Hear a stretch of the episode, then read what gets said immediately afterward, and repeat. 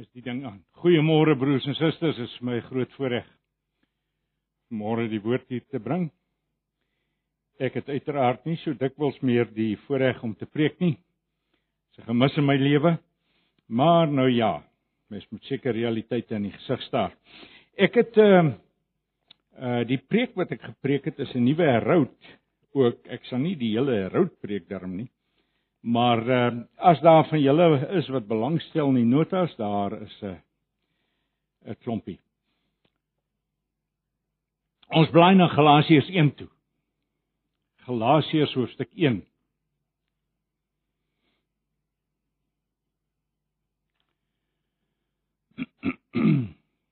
maar uh, voordat ons die skrif lees, kom ons bid net saam. Onse Vader in die hemel, hoog en verhewe is U en heilig. Dit is vir ons 'n besondere voorreg om weer die woord oop te maak vanmôre en om besondere aandag te gee aan die volkomenheid van die soenoffer van ons Here Jesus Christus en die wonder van u genade. Ons bid Here ons God dat u die woord vir ons sal oopmaak dat elkeen van ons sal verstaan wat U vir ons sê. Ons vra dit met groot vrymoedigheid en met afwagting in die naam van Jesus Christus ons Here. Amen. nou ja, ek gaan vir ons uh die eerste klompie verse van Galasiërs lees hier van vers 6 af tot by vers 10. Ek lees die ou vertaling Ek kan seker maar die nuwe vertaling ook lees, maar die ou vertaling is net hier en daar 'n bietjie akkurater. Vers 6 van Galasiërs hoofstuk 1, ek verwonder my dat julle so gou afvallig word van hom wat julle deur die genade van Christus geroep het na 'n ander evangelie toe. Terwyl daar geen ander is nie, behalwe dat daar sommige mense is wat julle in die war bring en die evangelie van Christus wil verdraai. Maar al sou ons of 'n engel uit die hemel julle evangelie verkondig in stryd met die wat ons julle verkondig het, laat hom 'n vervloeking wees. Soos ons van tevore gesê het, sê ek nou ook weer as iemand julle evangelie verkondig in stryd met die wat julle ontvang het, laat hom 'n vervloeking wees. Soek ek dan nou die guns van mense of van God of probeer ek om mense te behaag? As ek nog mense behaag, dan sou ek nie 'n diensknegt van Christus wees nie. Kom ons uh, kyk 'n bietjie na hierdie verse en ons besin 'n bietjie daaroor. Nou ek wil net sê baie jare gelede het ek oor hierdie verse hier in Antipas gepreek. Ek glo niemand van julle sal dit meer onthou nie. Maar ehm uh, ek dink tog dit is verse wat vir ons almal van die hoogste belang is om van kennis te neem. Uh soos wat ek nou maar die voorreg het om op talle plekke in ons land te preek en ook uh in Namibië en met mense gesels, kom ek tog agter dat mense die boodskap van hierdie verse nie behoorlik uh verreken in hulle kristendom dikwels nie. En dit lyk vir my dat die woord ons waarsku dat dit nie 'n geringe dwaaling is nie. So ek wil dit dus graag weer onder julle aandag bring ek het nou tog 'n bietjie ekstra bygewerk en 'n uh, 'n 'n soos ek sê 'n herhoud geskryf daaroor en ek is ek gaan nie die hele herhoud preek nie dit sal hom seker met verligting verneem.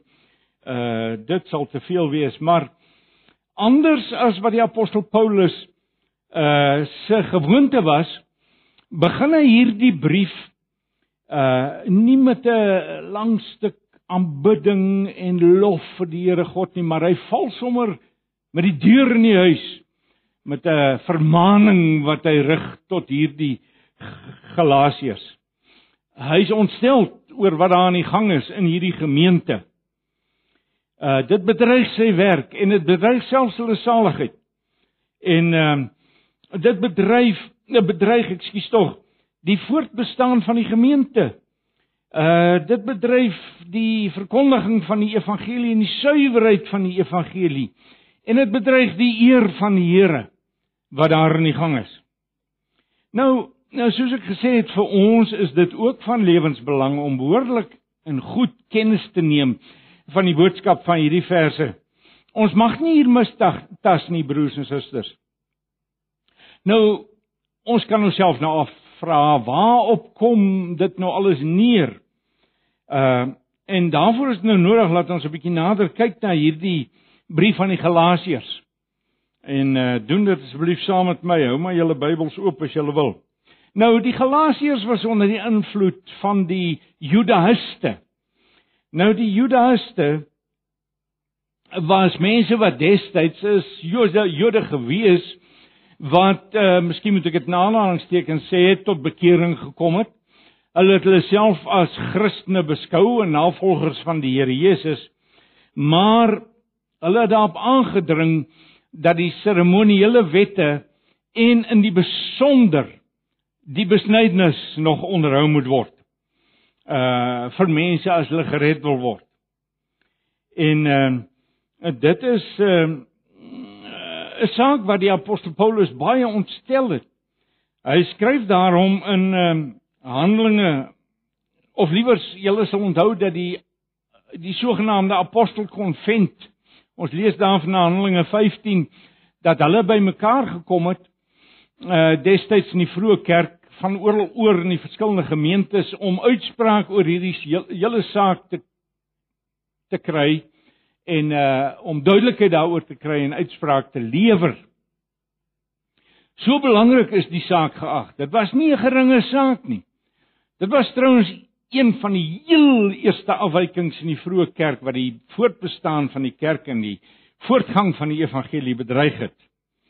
Handelinge 15 vers 1 uh, eh, staan daar geskrywe uh, ek gaan dit net gou vir julle lees en sekere persone wat van Judea afgekom het dis nou uit Israel uit of uit die Judea dit is 'n heilige land het die broers geleer as julle nie besny word volgens die gebruik van Moses nie kan julle nie gered word nie. As julle nie besny word volgens die Ou Testament se voorskrifte kan jy nie gered word nie.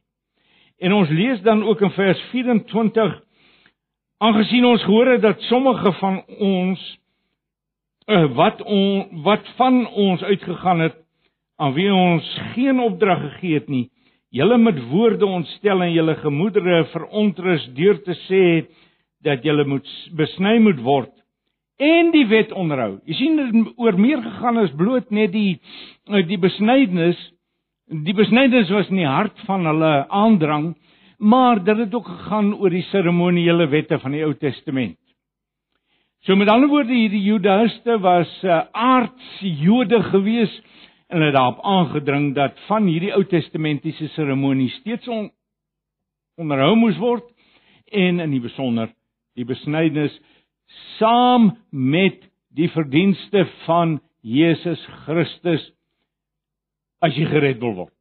Dis die dwaling wat Paulus hier aanspreek en ek hoop om bietjie later vanmôre aan julle te toon dat dit 'n dwaling is, miskien nie in eksplisiet dieselfde terme nie, maar dat ons effektief hierdie dwaling nog in ons dag oral oor in die kerk kry. Ek dink dit neem epidemiese afmetings aan. In 'n geval Paulus verset hom dan hierteen. Nou, ek wil net iets sê oor sy reaksie en daarvoor moet ons nou weer teruggaan na Galasiërs toe. Ehm um, In Galasiërs 1 vers 6 spreek Paulus sy verbasing uit dat die Galasiërs so gou en onthou nou hierdie Galasiërs ja daar was sekerlik Jode in hierdie gemeente maar baie van hulle was uit die sogenaamde heidendom uit uh, wat tot bekering gekom het maar dat hulle hulle so gou van God wat hulle deur die genade van Christus geroep het afvallig word na ander evangelie toe. Afvallig word Nou hierdie woord afvallig word in die Grieks dui op 'n verplasing van lo lojaliteit Soos 'n soldate wat dros of 'n uh, uh, 'n politikus wat na 'n ander party toe oorstap. Ek vermoed ons gaan binnekort dit begin sien in ons politiek in hierdie land. Uh en in die Galasiërs se geval soos ons gesien het, het dit die vorm aangeneem van mense wat in werklikheid 'n ander evangelie aangeneem het. Maar as Paulus hier praat van 'n ander evangelie, impliseer dit dat daar ook 'n ware evangelie is, nie waar nie? En inderdaad so.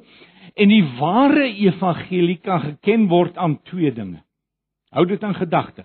Die ware evangelie word geken aan twee dinge: die oorsprong en die inhoud van die evangelie. Wat die oorsprong betref, uh, het dit 'n spesifieke oorsprong die evangelie.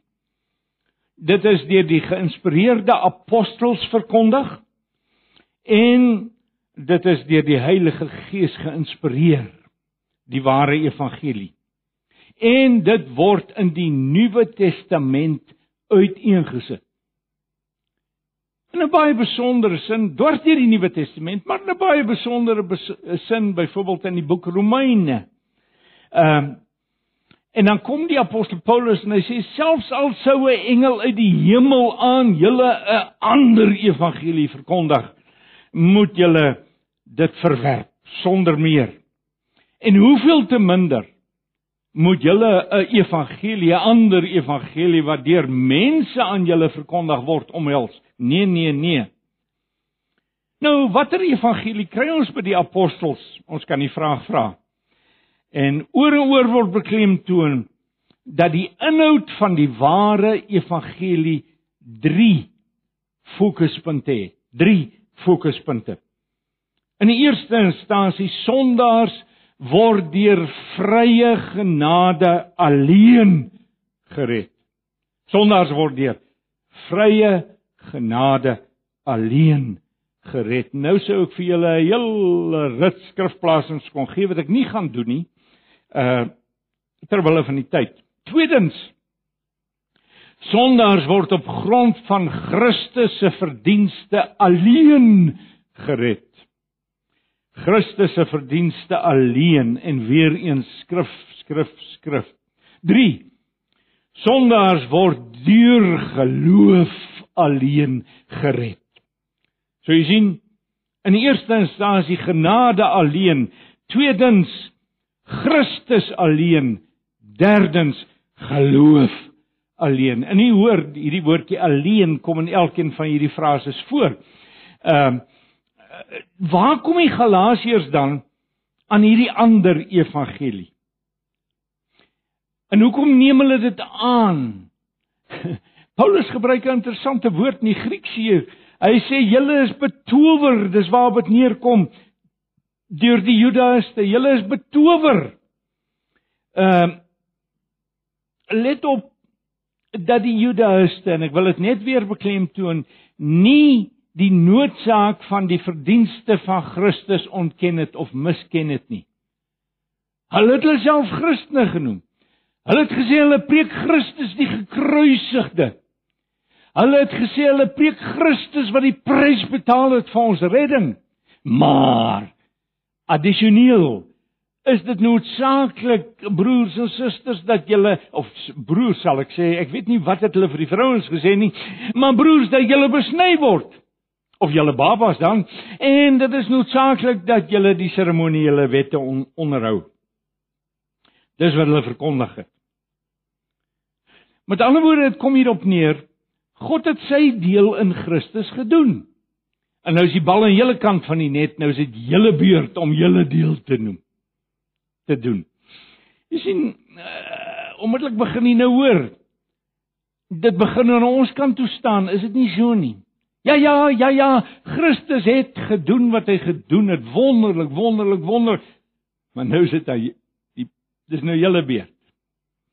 As jy nie dit en dit en dit en dit doen nie, moenie dink jy's gered nie, vriend. Jy sien, uh dis waar dit neergekom het hier. En dan gaan hy aan in Galasiërs 1 vers 7 En hy sê die Judaïste verdraai die evangelie van Christus. Nou die Griekse woord dui op 'n omdraai van iets deur 180 grade. Die omdraai, julle draai die evangelie om. En uh, julle draai dit agterste voor. En die woordkeuse is in die kol. Mm, die evangelie sê eers redding en dan daarop volg werke. U hoor my. Eers die evangelie. En as dit in julle lewe dan wortel geskiet het, dan volg daar werke, sekerlik. Maar die Judaïste draai dit om en hulle sê eers werke, dan volg redding. Dan volg redding. En hy gaan na aan hier skryf die apostel, hierdie dwaalleer veroorsaak verwarring verwarring. Die Griekse woord beteken om heen en weer te skud soos 'n mens 'n klomp saad in 'n in 'n sif sou skud of wat die geval mag wees. Hy sê hierdie dwaaling maak julle dis heeltemal deurmekaar.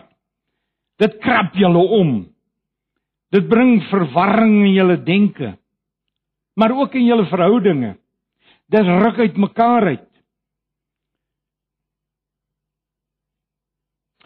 Daarenteen bring die suiwer leer van Christus en oor Christus begripsklarigheid en koersvasheid en hartseenheid. Maar hierdie nuwe evangelie wat die Judaïste verkondig, bring verwarring. Paulus is geweldig ontstel soos ek vir u gesê het en hy's verontwaardig. Twee keer as 'n mens daai teks lees, Twee keer roep hy uit die vloek van God sal so 'n prediker tref. Dis geweldige woorde wat hy sê. Die ehm die Griekse woord, ek sê dit net dat julle hom kan hoor, anathema. Anathema. Nou ons ken die woord anathema in Engels nie waar nie. Weet nie of julle dit hier in in in Pretoria ken nie, maar ek kom van Johannesburg af en daar ken jy die woord baie goed. In elk geval anathema. Ehm um, dit doen in die Septuaginta wat uh, die Ou Testamentiese, uh, nie die Ou Testamentse, wat 'n 'n Hebreëse vertaling van die uh van die van die nee, ekskuus julle.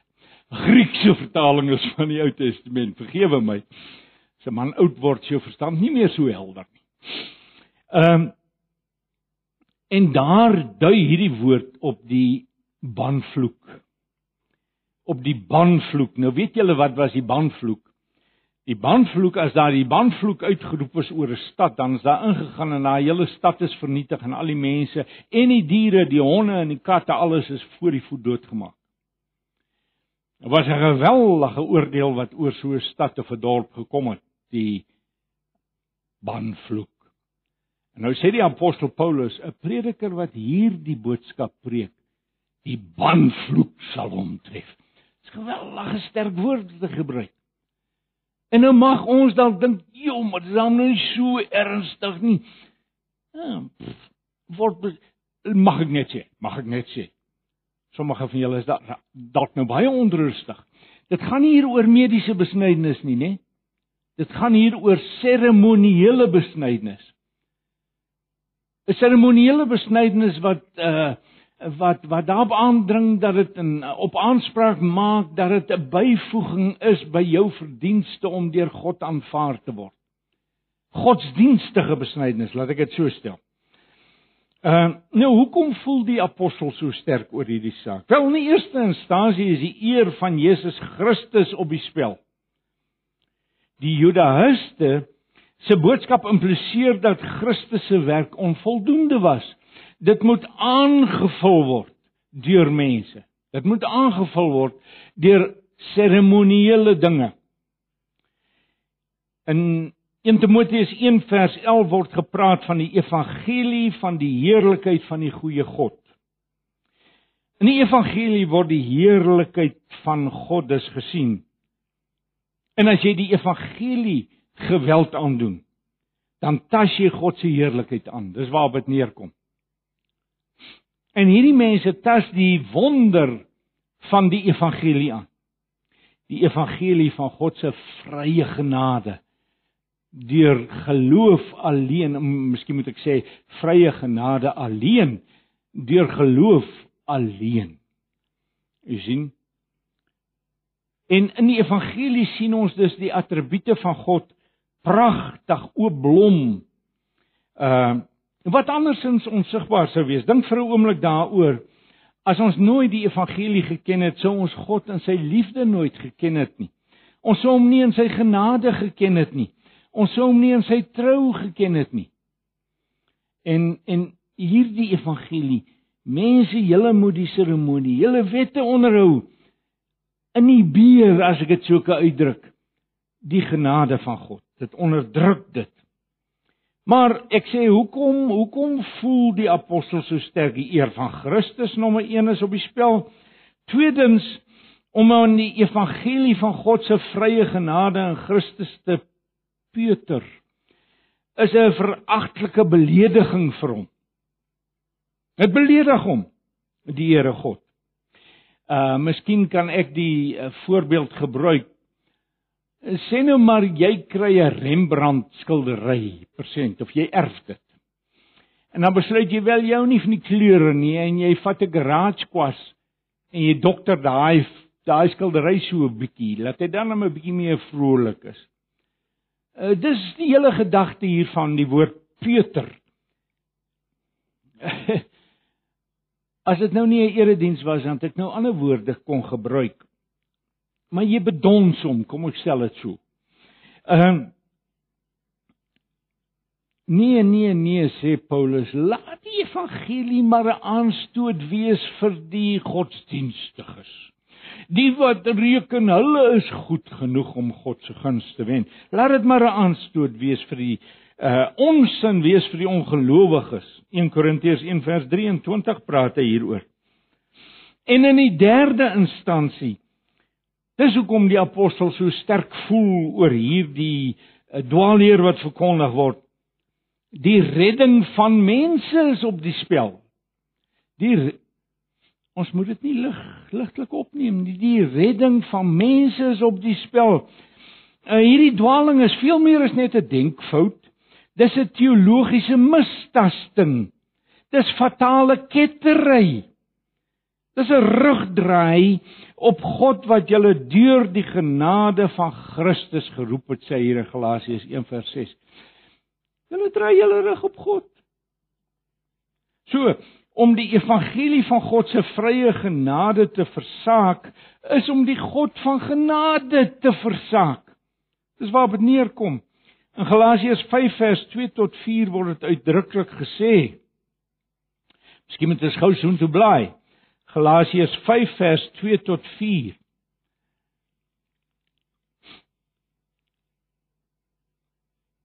Kom ons lees dit net. Kyk, ek lees nou maar weer die ou vertaling.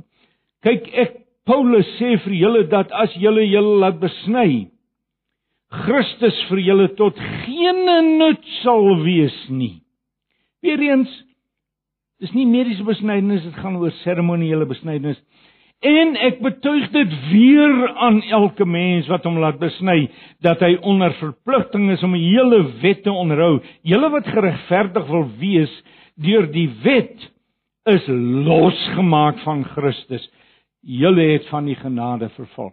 Julle sal met my saamstem, dis duidelike duidelike taal. Julle sal nie gered word nie. Trouwens dan bly daar net een manier oor om gered te word en dit is dat jy die hele wet volmaak sal onderhou. Nou wie kan dit regkry? Niemand nie. Niemand nie.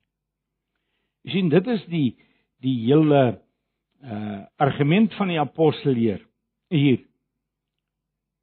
Is makliker om gered te word deur volkomme wetsonderhouding sê hy. En nou praat hy van die morele wet. Dit makliker om so gered te word as deur Christus plus werke.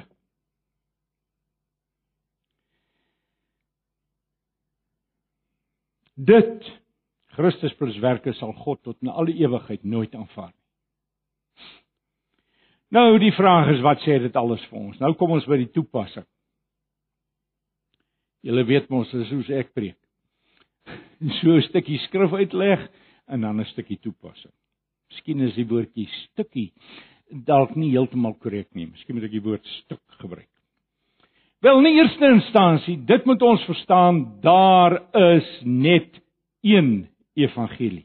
Daar's net een evangelie. In Galasiërs 1 vers 6 en 7, dis nou ons teksverse. Ehm um, gebruik Paulus twee baie betekenisvolle woorde. Beide word vertaal deur die woordjie ander. Hy sê uh in vers 6 julle word verlei na 'n ander evangelie toe terwyl daar geen ander evangelie is nie. Nou is dit vir ons 'n bietjie moeilik om te verstaan tot jy die Grieks lees, want hy gebruik twee verskillende woorde in die Grieks hier wat hier vertaal word met ander. Ons kan hulle albei inderdaad met ander vertaal, maar in die Grieks het hulle tog subtiele uh betekenisverskil. in die eerste geval word die Griekse woord heteros gebruik en dit dui op iets anders van 'n ander aard, heeltemal van 'n ander aard. Dis kwalitatief anders. Dis verskillend. Die goeie Engelse vertalings gebruik die Engelse woord different. Met ander woorde, ek sou vir jou kon sê net om dit duidelik te maak, uh daar lê 'n pen en hier hier lê 'n ander voorwerp, 'n ander voorwerp, 'n pakkie papier. 'n Twee totaal verskillende goed. Dis die eerste woord wat hy daar gebruik. Die tweede woord is die woord allos, is 'n ander ander Griekse woord en dit dui op iets anders maar van essensieel dieselfde soort. Ek sou vir julle kon sê ek sou vir julle kon sê hier's 'n skryfding, 'n potlood. En hier is 'n ander skryfding. Maar kan julle sien dis basies dieselfde ding of jy nou jou toets met hierdie pen skryf en of jy met hierdie pen skryf, dit gaan geen verskil maak nie. Dis die woord wat hy hier gebruik, uh allos. So wat hy dus sê, die van julle wie sien dit is, hier lê dit hoor. Uh wat hy dus vir hulle sê is dit julle laat julle verlei na 'n ander evangelie toe, 'n different gospel. Iets heel anders. Maar ek wil vir julle sê daar is nie 'n ander evangelie nie. En dan gebruik hy die woord another. Daar is net eenvoudig nie 'n ander evangelie nie.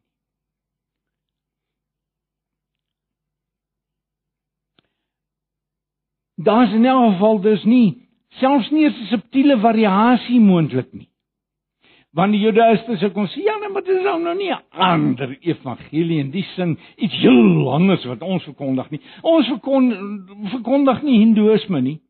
Ons verkondig nog altyd Christus en die kruis. Ja, sê Paulus, ek verstaan dit en ek hoor dit, maar selfs is daar nie 'n subtiele verskil nie. Daar is nie 'n subtiele verskil nie. Moontlik nie of aanvaarbaar nie. Daar's een evangelie en net een evangelie. So eksak beklem die apostel hier is die ware evangelie gedefinieer dat daar nie sprake is van subtiele variasies wat legitiem is nie. Is eksak gedefinieer die ware evangelie. En hoe kan die Judaïste dan beweer dat hulle evangelie die ware Jakob is? Nou is 'n groot verskil in 'n sekere sin. As jy oppervlakkig gaan, dan kyk jy dan nie veel van 'n verskil nie. Maar die besnydenis, wat's dit nou? Seremoniele wette, ag, nou wat maak dit nou saak? En tog sê Paulus is daar 'n enorme verskil. Dit verskil wesentlik die twee van mekaar. Dis trouens niks anders nie as 'n infame en sielsvernietigende leuen uh, wat die Judaïste verkondig. Is nie twee legitieme alternatiewe nie.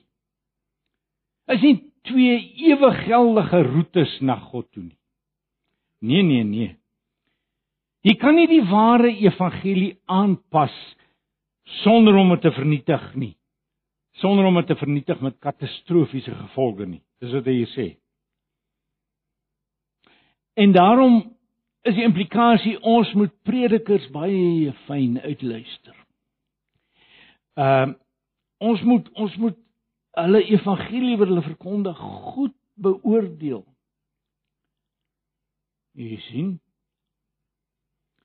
Ons moet onthou die status en die geleerdheid en die begaafdheid van die boodskapper waarmerk nie die boodskap nie. Dis die waarheid van die boodskap wat die boodskapper waarmerk. Die vraag is preek hy 'n onverwaterde Nuwe Testamentiese boodskap? Die Nuwe Testamentiese Openbaring, ja of nee? Onverwaterd. Preek hy die boodskap van God se vrye genade alleen wat slegs deur geloof en besit gekry kan word. Dan gaan die apostel voort en hy sê Wie 'n ander evangelie is hierdie verkondig, plaas homself onder die banvloek van God. Wie 'n ander evangelie is hierdie aanneem, maak homself van Christus los en verbeur God se genade. En God se vloek sal hom tref, die banvloek. En nou kan jy begin agterkom dat ons hier fyn moet trap broers en susters. Ons moet fyn trap hier. Maar ek wil gaan voortgaan. Die tweede toepassing is dit: God is die alleenredder of glad nie. Ek het dit eintlik reeds gesê, maar ek wil iets meer daaroor sê. Die eerste een was daar's net een evangelie. Die tweede een God is die alleenredder of glad nie. Die 16de eeuse reformatie het goed besef waaroor dit gaan. Hoe kardinaal belangrik hierdie woordjie is, alleen goed besef dat die waarheidsinhoud van die evangelie met sy drie fokuspunte soos ek dit net nou vir u genoem het lewensbelangrik is. Vandaar die latynse wekroep wat ons almal baie goed ken, sola gratia, solus Christus, sola fide. In 'n sin kan ons sê dat die hele reformatie rondom die een woordjie sola gedraai het, hoor vier letter woordjie, sola. In 'n sekere sin het die hele reformatie rondom hierdie woordjie gegaan. En nooit mag ons hierdie alleen, hierdie sola vergeet nie.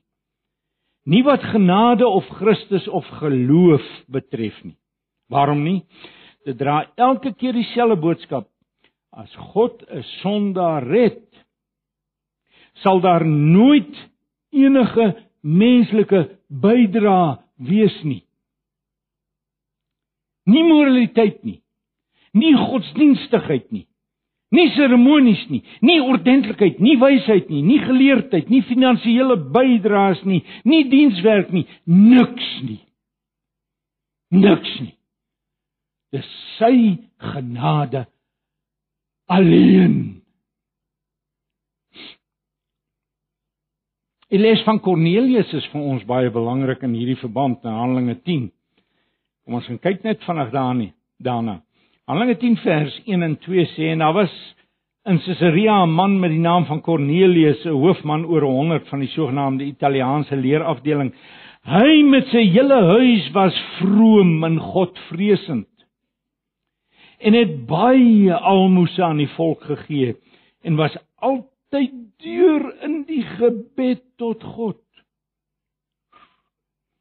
Dis 'n besondere man hierdie. Ek kan julle waarborg daar is nie 'n gemeente in Suid-Afrika waar hy nie binne 6 maande ouderling sou wees nie. Ha, ek dink so.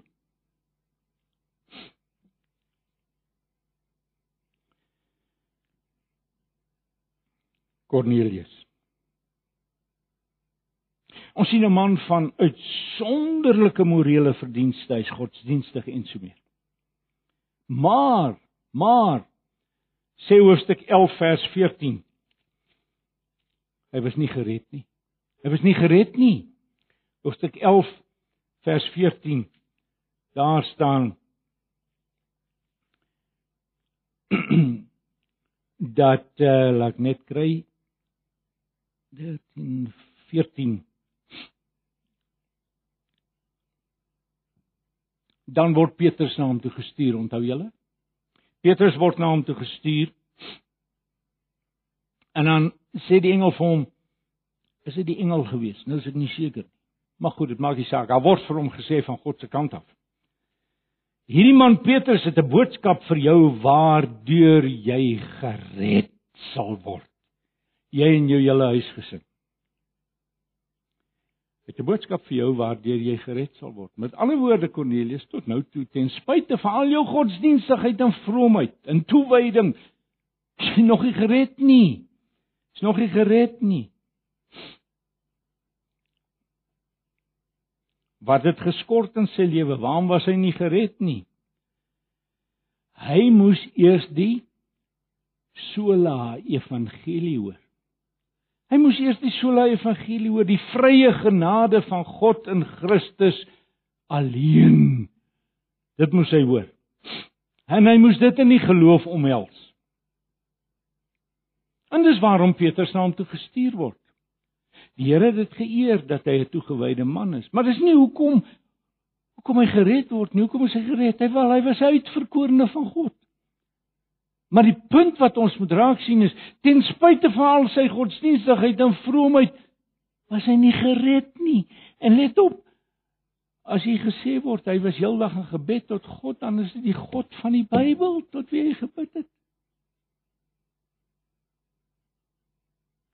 Ek verstaan dit goed.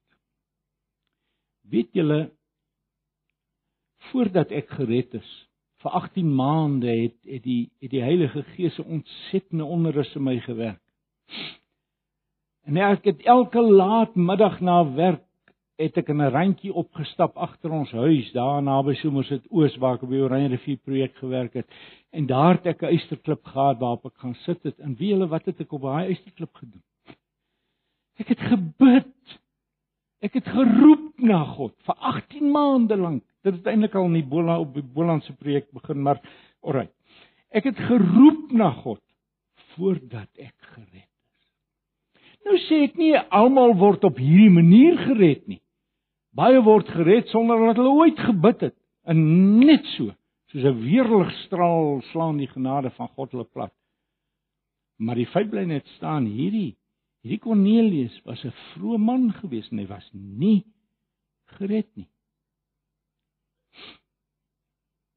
Dit bring ons by die derde toepassing. Dit was maklik om Paulus verdag te maak, is dit nie? En steeds elke prediker van die ware evangelie. Maklik om sulke predikers verdag te maak. Is waarskynlik presies wat hier gebeur het.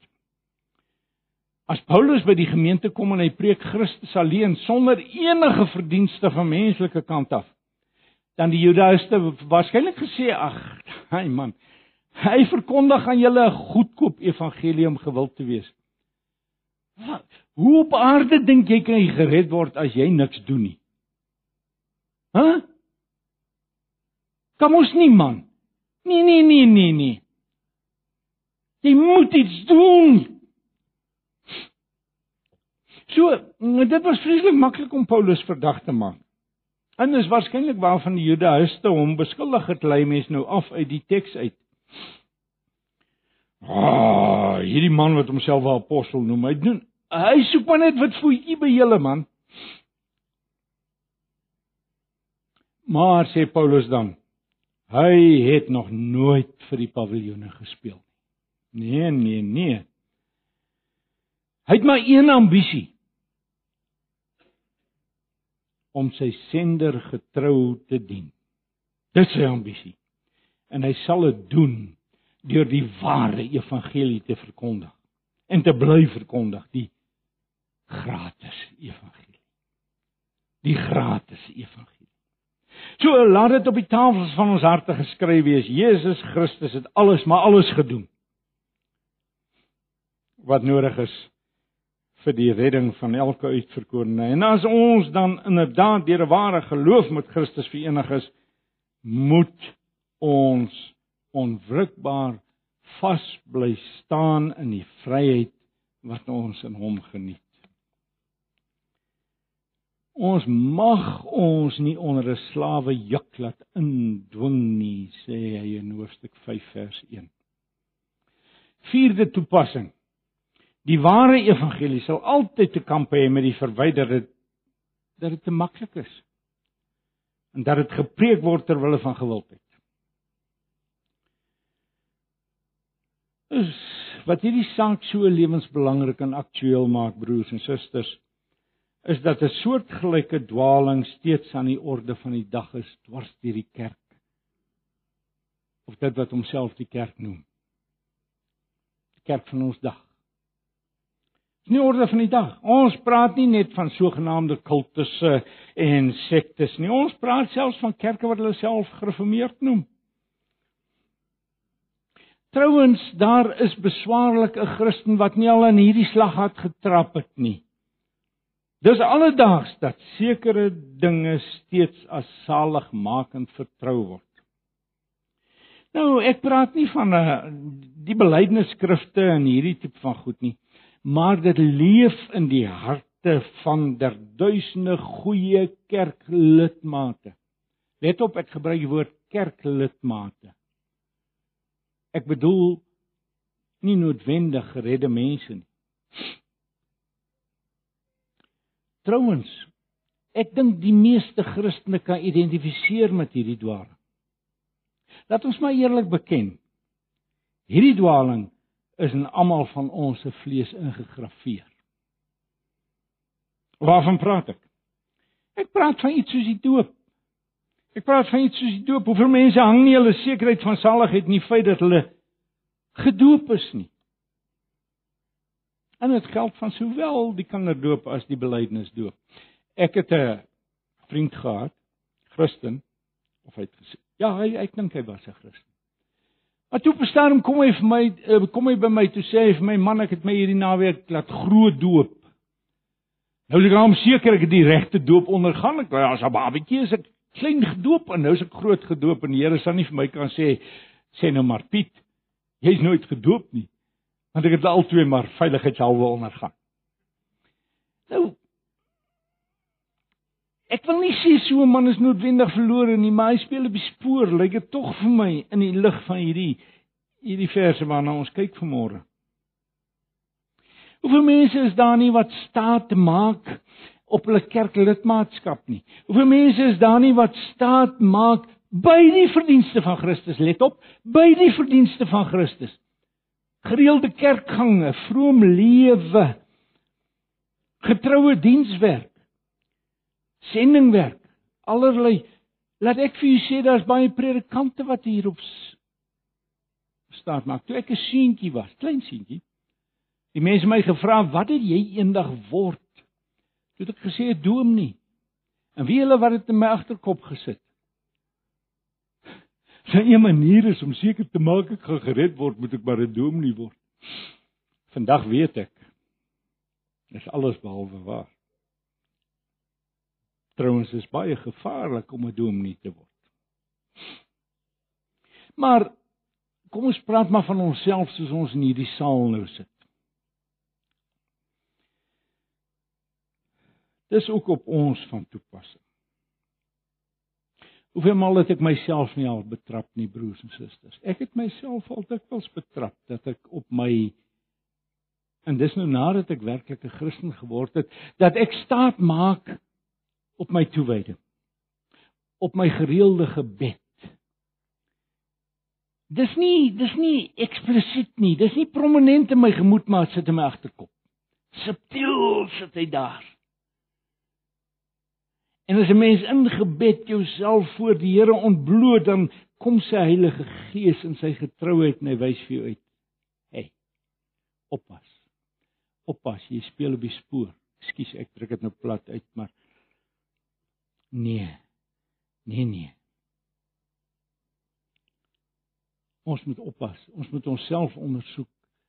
Maak ek op Jesus Christus alleen staat? Alleen staat.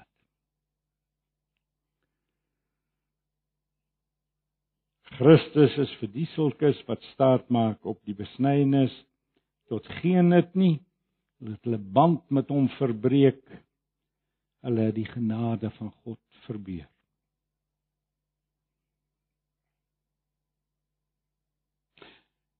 Ek moes my kop al meermale in skaamte voor die Here laat sak en sê vergewe my Here. Vergewe my asseblief. Vyfde toepassing, ek's nou amper klaar hoor.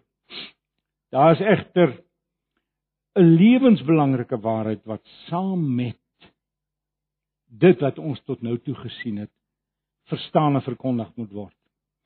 Oor en oor en oor beklemtoon die Nuwe Testament vir ons dat geloof wat nie in gehoorsaamheid aan die Here uitmond nie, nie reddende geloof is nie. Met ander woorde, wat ek vir julle tot nou toe gesê het, is nie 'n goedkoop evangelie nie. Ha, ek glo, gered. Nee.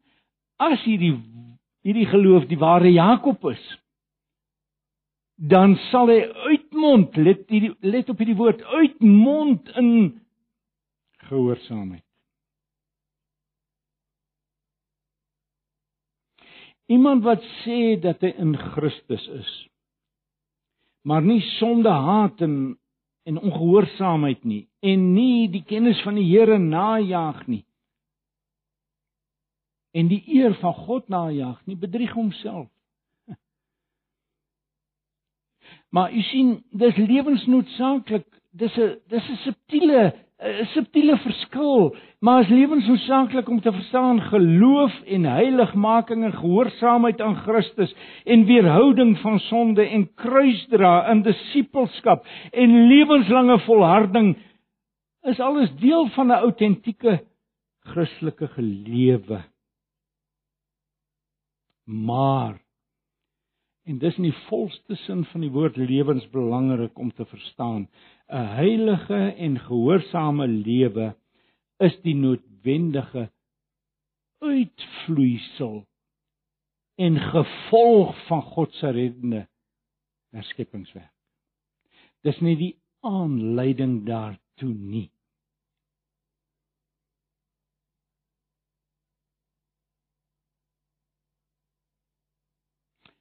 Ek vertrou u verstaan wat ek probeer sê. Dit mag subtiel wees, maar is tog nie moeilik om te verstaan nie. Verstaan jy waarvan ek gepraat het? Het jy dalk jouself herken? Ek sê vir ek het myself al dikwels dikwels uitgevang op hierdie punt. En laat ons nie hier dit geringskat nie. Ondersoek jouself as jy in gebed voor die Here is. Ondersoek jou motiewe en jou gesindhede in jou hart. Doen dit gereeld. Sola gratia. Solus Christus. Sola fide. Ek het vanmôre vir julle 'n boodskap van vryheid gepreek. Want u sien, dit wat volg op redding, naamlik 'n gehoorsame lewe van disippelskap. Kom maklik in 'n sekere sin. In 'n ander sin is dit nie maklik nie. Ek gee toe. Maar dit kom net eenvoudig. Jy kan dit nie weerstaan nie. Jou hart is herskep. God se wette is op die tafels van jou hart geskryf. So ek het vanmôre vir julle eintlik, eintlik goeie nuus gebring. Vryheid. Vryheid. Vryheid. Spontaniteit. Spontaniteit. Spontane. Spontane disippelskap. Ag, nou ja, broers en susters, ek hoop julle het gehoor wat ek wou sê. Dit was nou 'n lang storie. En ek dink jy sal toegee Dis belangrik. Ek dink jy sal toegee. Ek wonder of jy iemand is wat nou oomblik van eerlikheid sal sê ek is nog nooit op hierdie punt uitgevang nie. Kom ons bid saam. Ag Here, ons God. Ons dankie vir die sola evangelie. Ons dank U dat ons redding uit vrye genade alleen is op grond van Christus se verdienste alleen deur die geloof alleen. Uh, dankie dat daar in hierdie sin niks maar niks is wat kan dien as voorwaarde vir redding nie. Maar verseker 'n hele lewe van disippelskap en toewyding as 'n bewys van redding. Ons prys u heilige naam. Amen. Amen.